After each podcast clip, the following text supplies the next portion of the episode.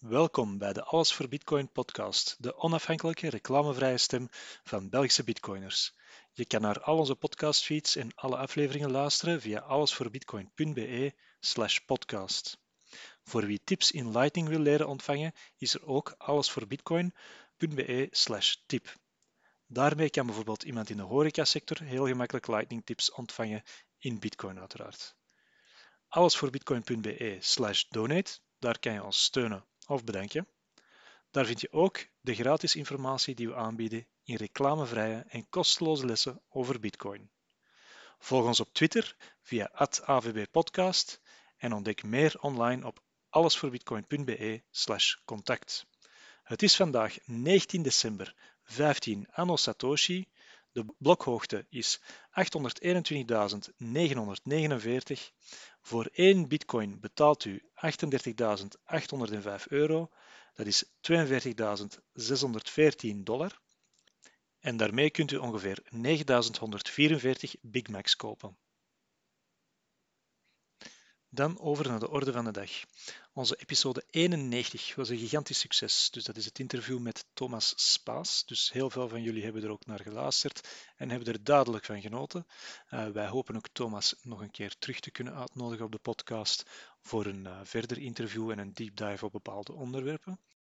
Maar daar hoeft het niet bij te stoppen. Wij zouden ook nog graag andere mensen interviewen. Dus als u iemand bent die een interessant Bitcoin-verhaal te vertellen heeft, of die iemand kent uh, die een interessant Bitcoin-verhaal te vertellen heeft, probeer ons zeker te benaderen en laat het ons weten. Uh, hopelijk kunnen we dan nog meer interviews doen in de toekomst. Uh, het is duidelijk dat jullie zo graag horen, dus een beetje inzet van jullie kan ook helpen om die droom werkelijkheid te maken. Los van het interview zijn er uiteraard nog andere interessante dingen gebeurd in Bitcoinland. Eentje daarvan is Ocean Mining. Uh, dat is een mining pool die vroeger van Luke Dasher was en die stop is gezet geweest. Die heeft Luke nu terug tot leven gebracht met samenwerking van Jack Dorsey. Uh, de kern van het verhaal is dat het een soort uh, non-custodial mining pool is, waarbij u zelf kunt bepalen welke transacties dat er in uw blok komen. Zoals jullie weten, de meeste mining pools tegenwoordig, de pool zelf bepaalt welke transacties er in de blok terechtkomen en niet zozeer de miner. Dus u richt uw hashpower naar de mining pool en de mining pool gebruikt uw hashpower om de bloks te minen. Zij bepalen dus het blok. U zelf heeft er geen keuze in. Dus uw hashpower wordt eigenlijk verkocht, waardoor dat u er zelf niks meer mee kan doen. De meeste van die pools zijn ook KYC'd. Dat wil dan ook zeggen dat u uw gegevens afgeeft en dat u een bitcoin die u vers gemined heeft niet meer KYC-free zijn. Dat is natuurlijk een beetje stom, want het zijn net die sets die zo vers zijn, waar helemaal geen geschiedenis aan vasthangt, die de beste KYC-free sets zijn. Jack. Jack Dorsey die heeft 6,2 miljoen dollar geïnvesteerd in die mining pool. Dat is toch wel een bedrag. Uh, we hebben al hogere bedragen voorbij horen komen in de Bitcoin-wereld. Maar ik vermoed dat voor een mining pool dit toch wel een behoorlijk bedrag is om uh, van start te komen. Ze zijn ook van plan om Stratum V2 te gaan gebruiken. Uh, dat is nog onder ontwikkeling, dus voorlopig gebruiken zij templates die de miners op die mining pool eh, moeten gebruiken. Dus zij gaan eigenlijk bepalen welke transacties uh, voorlopig nog altijd. Dus het is nog altijd niet non uh, sorry, het is wel non-custodial, maar je kan nog altijd niet je eigen blokken samenstellen. Dus dat komt wel, maar dat is nog niet zo. dus ja, het is niet perfect, maar het is al een stap in de goede richting. En ik hoop dat mining inderdaad erdoor terug gedecentraliseerder gaat worden en ook meer bij de miners zelf terechtgekomen in plaats van bij de mining pools. Uh, die templates trouwens, er worden voorlopig geen inscripties in opgenomen. Dus uh, ja, dat is natuurlijk een beetje een, uh, een twistpunt, omdat daar wel bepaalde mensen voor inscripties zijn, bepaalde mensen zijn tegen inscripties. Mijn mening doet er even niet toe, maar in ieder geval, ja, zij bepalen wat er in dat blok komt. Dat is natuurlijk niet helemaal hoe het hoort te zijn. Dus als u inscripties zou willen minen, dan zou u dat moeten mogen doen, vind ik dan weer. Uh, dus ja, die Stratum V2, ik hoop dat het uh, snel ontwikkeld wordt. Nog een belangrijk detail, mocht u zelf miner zijn, Bij een standaard mining pool wordt u niet uitbetaald vanuit de Coinbase-transactie. Meestal wordt u uitbetaald vanuit een exchange. Uh, die exchange heeft uiteraard uw KYC-gegevens nodig, vandaar dat ze die ook opvragen. Uh, dat zou bij Ocean Mining niet het geval zijn.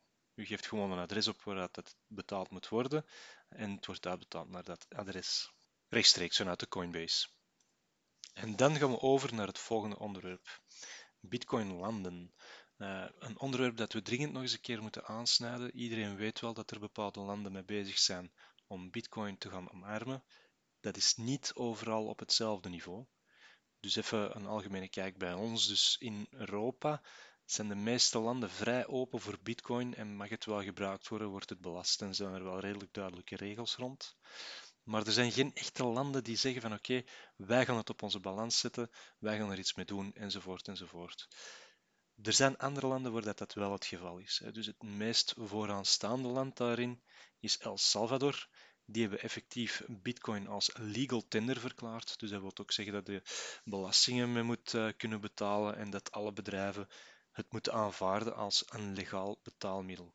Dus legal tender laws zijn eigenlijk bedoeld om bedrijven te verplichten het te aanvaarden. Dus als bitcoiner zou je daar overal terecht moeten kunnen en met bitcoin betalen. Uh, is dat niet het geval, zou je in theorie de overheid erbij kunnen betrekken en zeggen dat uh, de handelaar het niet gebruikt uh, of niet, niet hanteert als legaal betaalmiddel en dan zouden ze die kunnen gaan verplichten om dat wel te doen.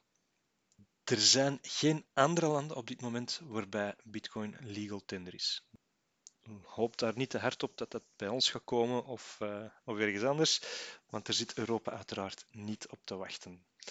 Er zijn wel andere landen die er actief mee bezig zijn. Dus we denken dan bijvoorbeeld aan Argentinië, omdat dat nu recent in de media was. Daar hebben we dan uh, president Milei, uh, die heel positief uitgesproken heeft over Bitcoin, die ook van plan is om Bitcoin te gaan omarmen. Maar voorlopig heeft hij nog niks actief gedaan om Bitcoin in zijn land binnen te krijgen. Natuurlijk toegegeven, hij is ook nog maar pas zittende president. Dus dat uh, is allemaal nog heel vers en dat zal wel komen. Maar we weten nog niet wat hij juist gaat doen. Dus of dat het legal tender laws zijn, dat uh, valt nog even te wachten. Nog eentje is Madeira. Daar hebben we president Albuquerque. Uh, die heeft met Jan Tree samengezeten. Uh, die is ook heel positief over Bitcoin. Die wil het ook op de balans gaan zetten. Die wil ook pro-mining enzovoort. Dus ja, er kan van alles uitkomen. Maar zeker geen legal tender laws, want dat valt mee onder de Europese Unie. Uh, omdat dat een land is dat deel uitmaakt van Portugal. Dus uh, ja, die gaan het zeker voorlopig geen legal tender noemen. Die kunnen wel de grassroots movements stimuleren door uh, bepaalde belastingsheffingen enzovoort te gaan beperken. Dat er ja, gunstige belastingsmaatregelen zijn. En dan gaan mensen wel geneigd zijn om het natuurlijk meer te gaan gebruiken op de grond. Maar verwacht niet dat handelaars verplicht gaan worden om bitcoin te aanvaarden in een dergelijk land. Dan hebben we Tonga. Dat is uh, Lord Fusitua. Sommigen onder ons hebben die al eens een keer voorbij zien komen. Uh, die hebben een House of Lords. Uh, en die Lord Fusitua die heeft het echt zitten pushen in Tonga die heeft daar blijkbaar toch wel wat succes geboekt, dus er zijn wel mensen die hem erin volgen. Maar de premier die daar het land regeert, die is onlangs onder een vote of no confidence gekomen. Dus er is een hele discussie daar over welke maatregel dat hij al dan niet nog gaat kunnen doorvoeren en dat hij aan de macht blijft. Dus het kan goed zijn dat heel dat Bitcoin, legal, uh, heel dat Bitcoin verhaal daar uh, niet door kan gaan. Dus ja, we gaan zien. Ze blijven ervoor gaan. Lord Fusitua zit er nog steeds achter. Die blijft ook in de House of Lords zitten in Tonga. We gaan zien. Dus er kan nog van alles uitkomen. Suriname. Uh, dus daar hebben we president Chan Santoki of zoiets. um, Jan 3 is ook naar daar gegaan. Die hebben ook met die president samengezeten. Die hebben die man ook uh, overtuigd om Bitcoin te gaan omarmen. Dus uh, ja, er zou toch wel iets interessants uit kunnen komen. Ik weet niet of dat, dat over legal tender laws gaat. Uh, voorlopig denk ik van niet. Ik denk dat ze het eerder op de balans gaan zetten en betalingen aan de staat mogelijk willen gaan maken met Bitcoin. Dus ja, dat is, toch al een mooie stap. Uh, dat maakt het ook mogelijk voor de burgers om het daar te gebruiken. Ja, hier reken ik wel op dat dat goed komt. Gen 3 zit daar ook heel hard achter. Samson Mao, Ben van Hol. Ja, die heren die weten wel wat ze doen. Die hebben het nogal gedaan. Die gaan dat, die gaan dat goed krijgen daar. Hetzelfde met Colombia. President Gustavo Petro. Helemaal hetzelfde eigenlijk als Suriname. Dus uh, Gen 3 is er langs geweest. Die Gustavo Petro die heeft wat satoshis gekregen van Samson Mao. Dus ja, vroeg of laat gaat hij dat wel een interessant protocol vinden. Gaat hij zich wel educeren en gaat hij dat hoogstwaarschijnlijk ook wel integreren in het land ja, zoals ik al eerder gezegd heb, het Westen, wij staan er uh, redelijk voor open, maar ja, aan de andere kant, de banken houden het allemaal tegen, de overheid houdt het allemaal tegen, de Europese Unie houdt het allemaal tegen. Uh, ze willen het zeker niet te snel laten gaan. Dus ja, we gaan zien wat er gebeurt, maar bij ons geldt de regel: leer de wetten kennen in het land waar je woont. Uh, in Nederland bijvoorbeeld uh, is er nog net een hele stribbeling geweest tussen de DNB en enkele Nederlandse bitcoinbedrijven. Die bitcoinbedrijven hebben nu een rechtszaak gewonnen tegen de DNB en de DNB moet uh, een hele hoge boete betalen aan die bedrijven. Althans, een hele hoge boete in de zin van kleine bedrijven in het Nederlandse, die dan dat geld moeten krijgen. Dus uh, voor hen is dat veel geld. In het Bitcoin-perspectief is dat natuurlijk ja, niet zo indrukwekkend. In de Verenigde Arabische Emiraten speelt er ook wel wat. Minder duidelijk wat daar juist allemaal aan de hand is, maar er zijn toch ook wel bepaalde landen die Bitcoin actief aan het omarmen zijn. De Verenigde Arabische Emiraten kennende is dat natuurlijk geld er naartoe smijten, zelf investeringen doen, mining farms opstellen enzovoort enzovoort. Maar ik denk niet dat daar al iets actief bezig is qua legal tender laws of iets dergelijks. De communistische landen, zoals uh, Rusland, China um, ja, en andere Aziatische landen, daar wordt het wel gebruikt. Uh, het wordt ook niet echt actief tegengehouden, heb ik de indruk. Dus uh, China die bannen het af en toe wel eens een keer. Maar ja, heel, heel goed blijkt dat niet te werken. En ik heb toch ook nog niet gehoord over zware straffen voor die mensen daar, mochten ze het gebruiken. Dus ik denk dat het daar gedoogd wordt, een beetje zoals in het Westen. Maar om eerlijk te zijn, weet ik het eigenlijk niet. Dus daar ga ik niet te diep op induiken. Het is niet gelijk de Verenigde Arabische Emiraten, waar dat er echt wel actief door de staat ook uh, mee aangewerkt wordt. Dan zijn er uiteraard ook nog een heleboel lokale projecten. Ik denk uh, bijvoorbeeld aan Lugano in Zwitserland. Dus er nog wel een paar kleinere paradijzen waar dat bitcoin heel hard gepromoot wordt, waar dat handelaars overtuigd worden om het te gebruiken enzovoort. Maar dat zijn geen landen. En zolang het niet vanuit het overheidsperspectief aangesproken wordt, denk ik dat het niet zo belangrijk is om het hier te vermelden, aangezien die grassroots movements eigenlijk ja, van ons uitkomen.